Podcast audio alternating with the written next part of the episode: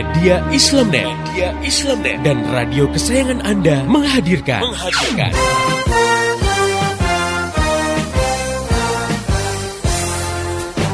Voice of Islam. Voice of Islam. Voice of Islam. Di satu sisi diyakini bahwa perbuatan judi dan semua bentuk kemaksiatan itu diharamkan oleh Islam. Itu juga banyak yang sudah tahu. Namun di sisi lain, umat Islam sendiri tidak memiliki kemampuan untuk melarang kegiatan seperti itu. Karena sebenarnya kalau orang paham Islam, maka tidak akan dia punya pendapat wanita harus bekerja karena Islam tak pernah mewajibkan wanita untuk bekerja yang wajib bekerja itu laki-laki hmm, karena mereka iya. wajib menanggung nafkah keluarganya. Jadi sebenarnya hukumnya wanita bekerja itu mubah, hmm, boleh ya, jadi tidak dosa. Pemanfaatan tenaga nuklir apabila dipergunakan untuk kemaslahatan umat seperti penggunaan sektor non energi dan energi tersebut, maka hukum Islam memperbolehkan bahkan menganjurkan. Namun apabila digunakan untuk tenaga nuklir yang sifatnya menghancurkan kehidupan, dan menimbulkan kerusakan di muka bumi, misalnya seperti senjata nuklir, maka hal ini tersebut haram hukumnya. Allah Subhanahu wa taala mencela tindakan merusak dan orang-orang yang membuat kerusakan di muka bumi.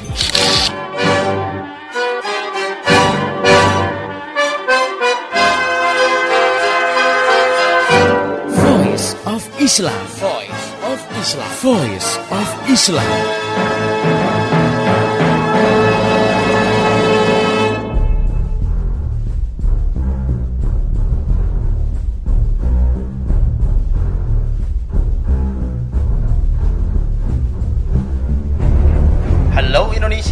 Assalamualaikum warahmatullahi wabarakatuh. Pendengar yang budiman Gimana kabar anda hari ini? Mudah-mudahan dalam kondisi sehat walafiat Dalam kondisi tetap beriman kepada Allah Semakin beriman Semakin bertakwa kepada Allah Dan mudah-mudahan hari ini menjadi hari yang lebih baik Bagi anda khususnya Dan umumnya bagi kita semua Dibanding hari-hari yang telah lalu. Kembali hadir ke ruang dengar anda Program Voice of Islam Kerja bareng Media Islamnet dengan radio kesayangan anda ini dan kali ini Voice of Islam dalam rubrik Kisah-kisah Teladan Saya Umar Abdullah akan menemani Anda selama 30 menit ke depan Sebagai narator kisah-kisah teladan. Dan kali ini ada tiga kisah yang akan saya bacakan. Yang pertama berjudul Kejujuran Gadis Pemerah Susu. Yang kedua Teladan yang berat. Dan yang ketiga Hadiah untuk istri Khalifah. Nah Bagaimana isi kisah-kisah teladan kali ini? Kita akan ikuti setelah lagu yang berikut ini. Tetap setia di Voice of Islam. Masih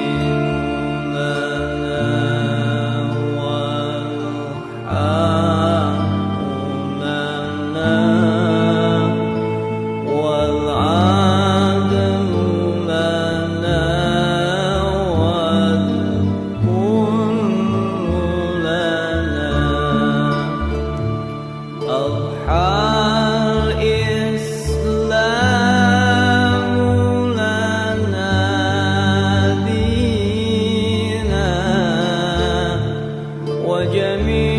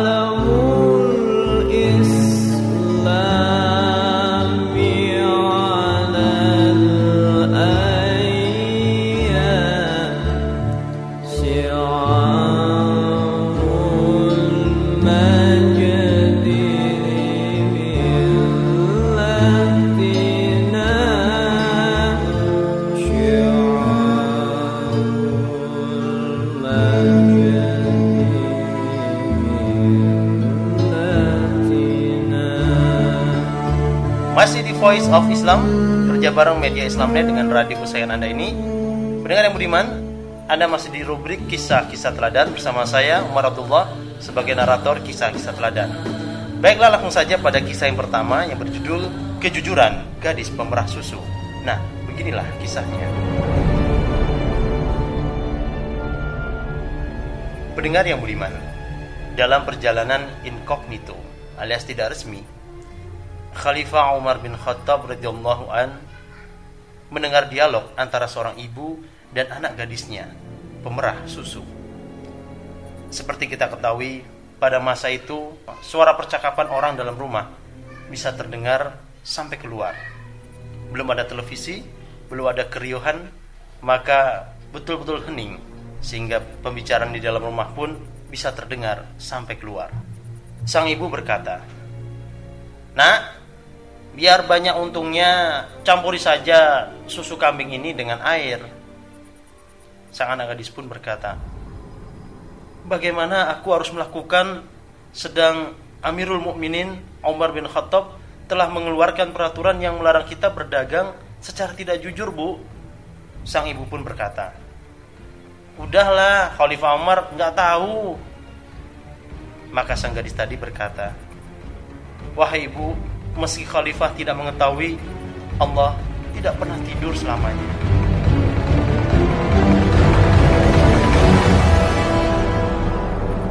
Pendengar yang budiman, terkesan oleh kejujuran si gadis, keesokan harinya Khalifah Umar bin Khattab menyuruh pengawalnya untuk mencari info tentang siapa gadis itu Begitu menerima laporan, Khalifah memanggil Asim putranya. Khalifah Umar bin Khattab berkata kepada Asim, Wahai Asim, nikahilah gadis yang jujur itu. Aku berharap dari dia nanti akan lahir orang besar yang mampu memimpin bangsa ini. Pendengar yang budiman, beberapa bulan kemudian, gadis itu resmi menjadi menantu Khalifah Umar. Dari rahimnya lah, lahir seorang anak perempuan yang setelah dewasa dinikahi oleh Abdul Aziz bin Marwan. Dan dari pasangan inilah lahir Umar bin Abdul Aziz, seorang khalifah yang dikenal sangat adil dan bijaksana. Pendengar yang beriman, demikianlah dari rahim seorang wanita yang baik, insya Allah akan lahir pula orang-orang yang baik.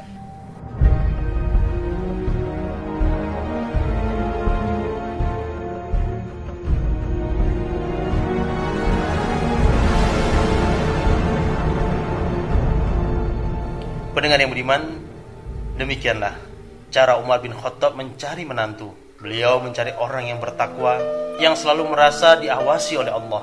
Dan dari dialah Umar bin Khattab mendapatkan keturunan seorang yang bertakwa, Khalifah Umar bin Abdul Aziz rahimahullah.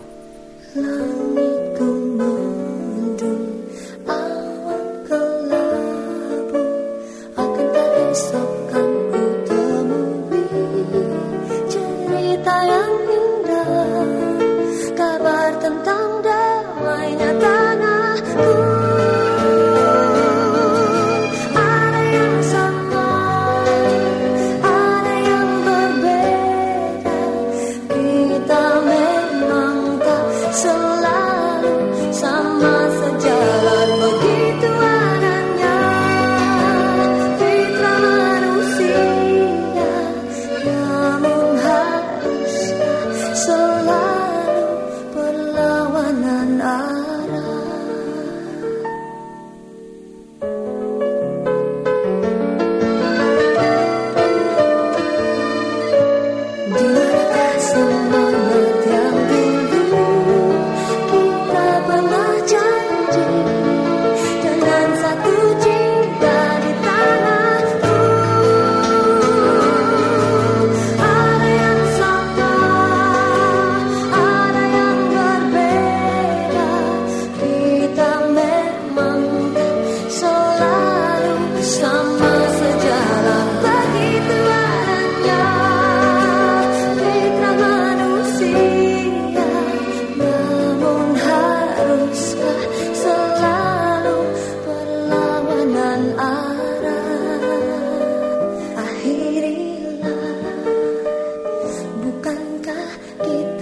kita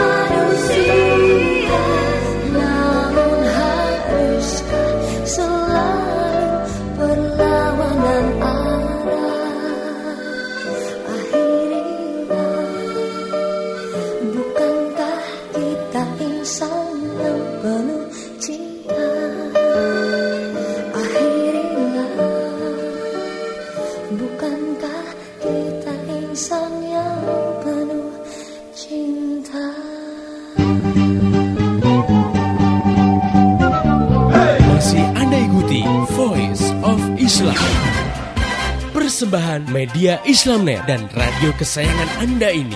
Voice of Islam. Voice of Islam. Voice of Islam.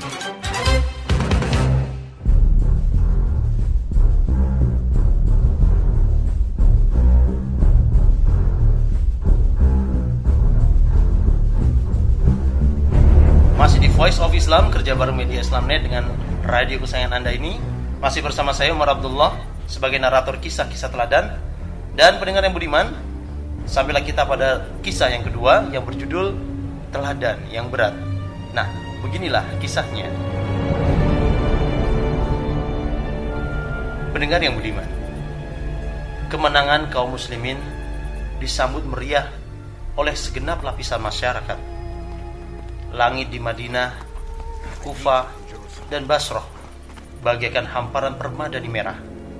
Demikian pula di Mesir, Damaskus, dan Baghdad tidak ada keluh kesah bergaung, seolah saling mencurigai telah sirna.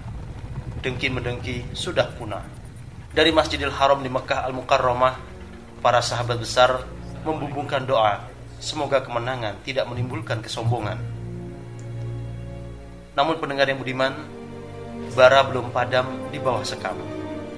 Keputusan Khalifah Utsman yang mengangkat sejumlah gubernur dan pembesar negara yang secara kebetulan berasal dari Bani Umayyah masih tetap merupakan ganjalan perasaan di lingkungan kaum Puritan.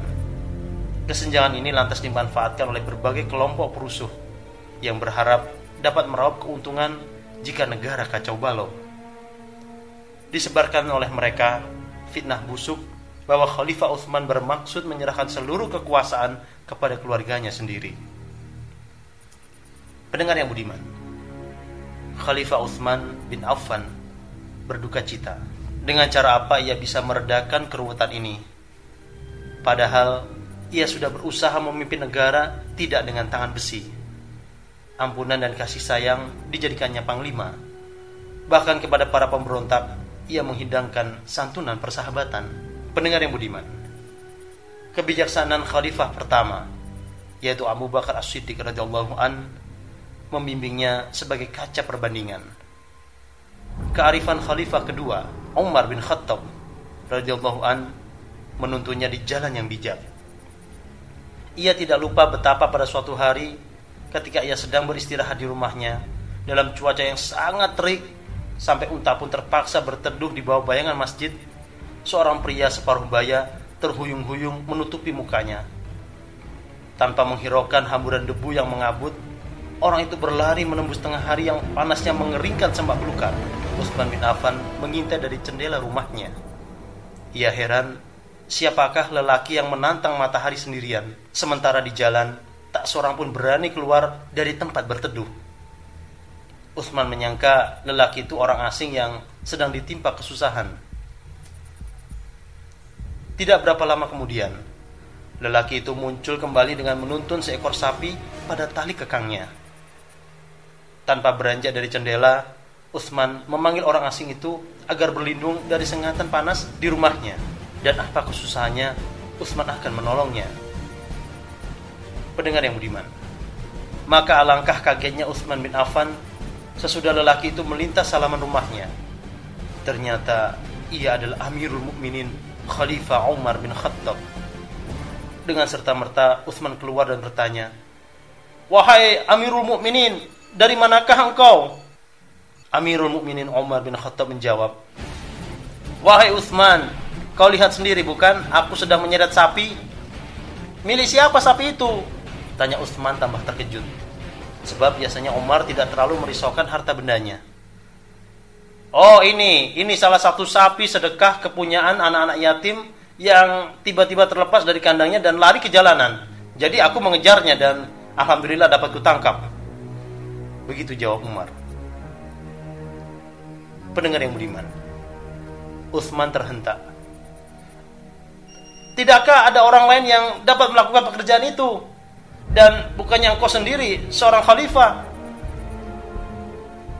Pendengar yang budiman Umar bin Khattab memotong tegas. Siapakah yang bersedia menebus dosaku di hari perhitungan kelak? Maukah orang itu memikul tanggung jawabku di hadapan Tuhan? Kekuasaan adalah amanat saudaraku, bukan kehormatan. Pendengar yang budiman, Utsman menyarankan agar Umar beristirahat dulu menunggu cuaca agak redup. Umar hanya menjawab, Saudaraku, kembalilah ke tempatmu bernaung. Biarlah aku selesaikan kewajibanku. Dengan terseok-seok, Umar melanjutkan perjalanannya diikuti tatapan mata Utsman yang membasah. Utsman bergumam, Engkau merupakan cermin bagaimana seharusnya seorang pemimpin negara dan membuat berat para khalifah sesudahmu. Pendengar yang budiman. Dan sekarang tanggung jawab kekhilafahan terbeban di pundak Utsman.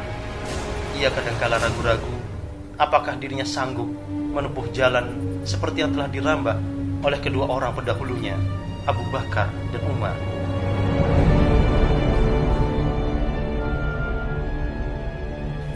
Demikianlah sepenggal kisah bagaimana tanggung jawab seorang negarawan Umar bin Khattab yang dilihat oleh Uthman bin Affan. Dia tidak membiarkan adanya harta rakyat yang hilang sekecil apa pun harta tadi.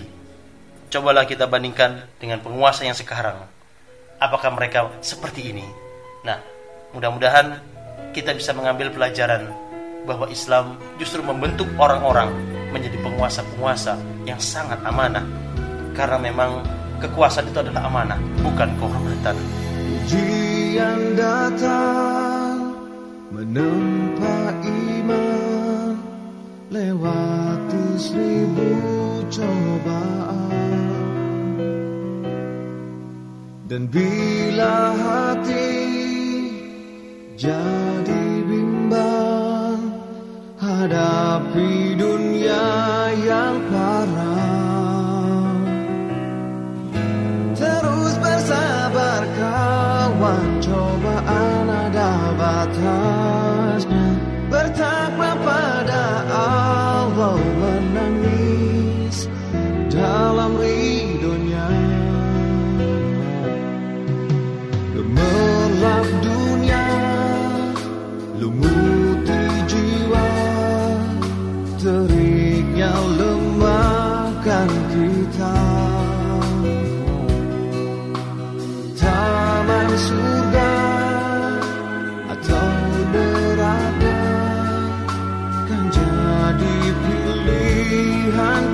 kita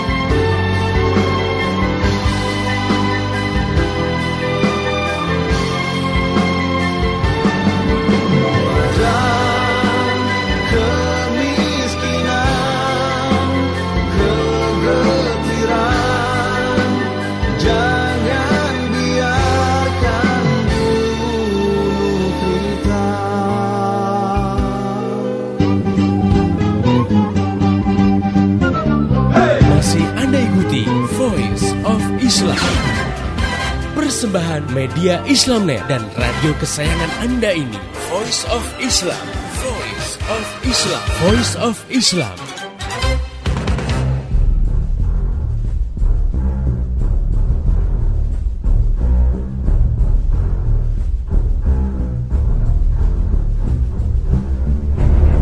Masih di Voice of Islam, kerja bareng media Islamnet dengan radio kesayangan Anda ini. Pendengar yang budiman, Anda masih di rubrik kisah-kisah teladan bersama saya Umar Abdullah sebagai narator kisah-kisah teladan. Dan sampailah kita pada kisah yang ketiga, kisah yang terakhir pada kesempatan kali ini berjudul Hadiah untuk istri Khalifah Utsman bin Affan. Nah, beginilah kisahnya.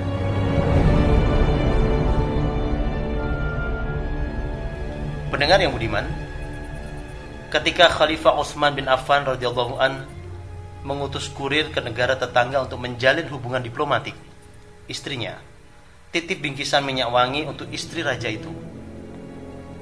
Pulangnya, sang kurir ganti membawa bingkisan balasan dari istri raja berupa mutiara dan permata.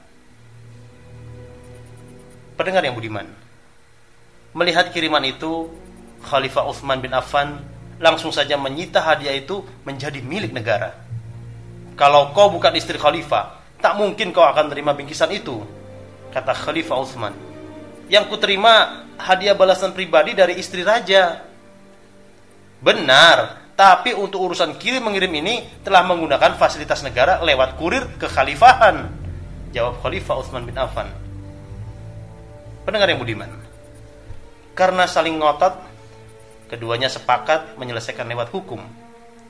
Maka diserahkannya bingkisan hadiah itu kepada hakim. Setelah melewati persidangan yang panjang, akhirnya hakim memutuskan bingkisan itu sah menjadi milik pribadi. Sudah kuduga sebelumnya, aku kalah dalam perkara ini. Kata Khalifah Utsman sambil menyerahkan bingkisan itu kepada istrinya. Tapi mengapa Tuan ngotot ke pengadilan? Jika tak kuselesaikan lewat jalur hukum, aku khawatir perkara ini menjadi fitnah. Jawab Khalifah Utsman. Fitnah bagaimana? Kata istrinya. Lihat itu, istri khalifah menggunakan kesempatan dan fasilitas dinas untuk kepentingan pribadi. Alasan lain, aku khawatir caramu itu akan ditiru oleh istri-istri pejabat yang lain. Kata Khalifah Utsman bin Affan. Meski hal itu tidak apa-apa, tapi bisa menimbulkan apa-apa, sehingga harus dihindari oleh seorang muslim. Pendengar yang budiman, setelah direnungkan dalam-dalam, kekhawatiran suaminya itu cukup beralasan. Atas kesadarannya sendiri, malam itu juga menyerahkan bingkisan hadiah itu ke Baitul Mal, ke kas negara, menjadi milik negara. Maka teringat kita akan sabda Rasulullah dalam hadisnya. Seseorang tidak akan sampai pada tingkatan takwa yang optimal sehingga ia rela meninggalkan hal-hal yang sepertinya tidak apa-apa tetapi bisa menimbulkan apa-apa. Pendengar yang budiman, demikianlah sangat berhati-hatinya seorang khalifah seorang kepala negara Islam yaitu Khalifah Utsman bin Affan radhiyallahu an sebuah teladan yang luar biasa. Mudah-mudahan kisah ini didengar oleh kita semua khususnya para pejabat dan ibu-ibu pejabat agar mereka tidak dengan mudah memanfaatkan fasilitas negara. Lebih dari itu, kita bisa melihat bahwa sistem Islam, akidah dan syariat Islam mampu menciptakan para penguasa dan istri-istri penguasa para pejabat dan istri-istri pejabat, orang-orang yang warok, orang-orang yang menjaga diri dari hal-hal yang bisa menimbulkan keraguan-raguan, apalagi bisa menimbulkan fitnah. Mudah-mudahan sistem Islam yang mulia ini tidak akan lama lagi akan terjadi.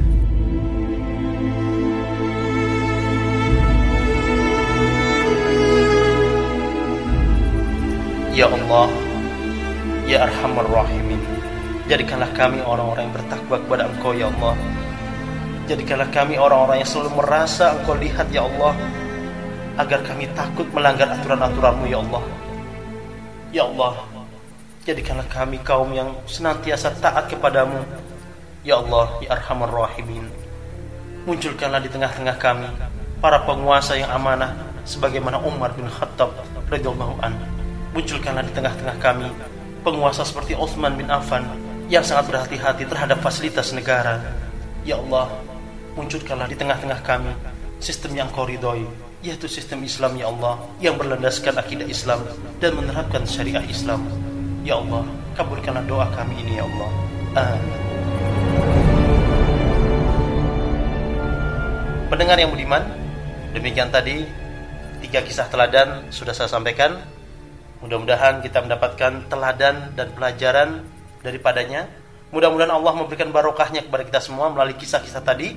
Saya Umar Abdullah dan seluruh kerabat kerja yang bertugas mengucapkan terima kasih atas perhatian Anda dan mohon maaf jika ada salah-salah kata dan esok hari Voice of Islam insya Allah akan hadir kembali di ruang dengan Anda di waktu dan gelombang yang sama. Mari menimbang masalah dengan syariah.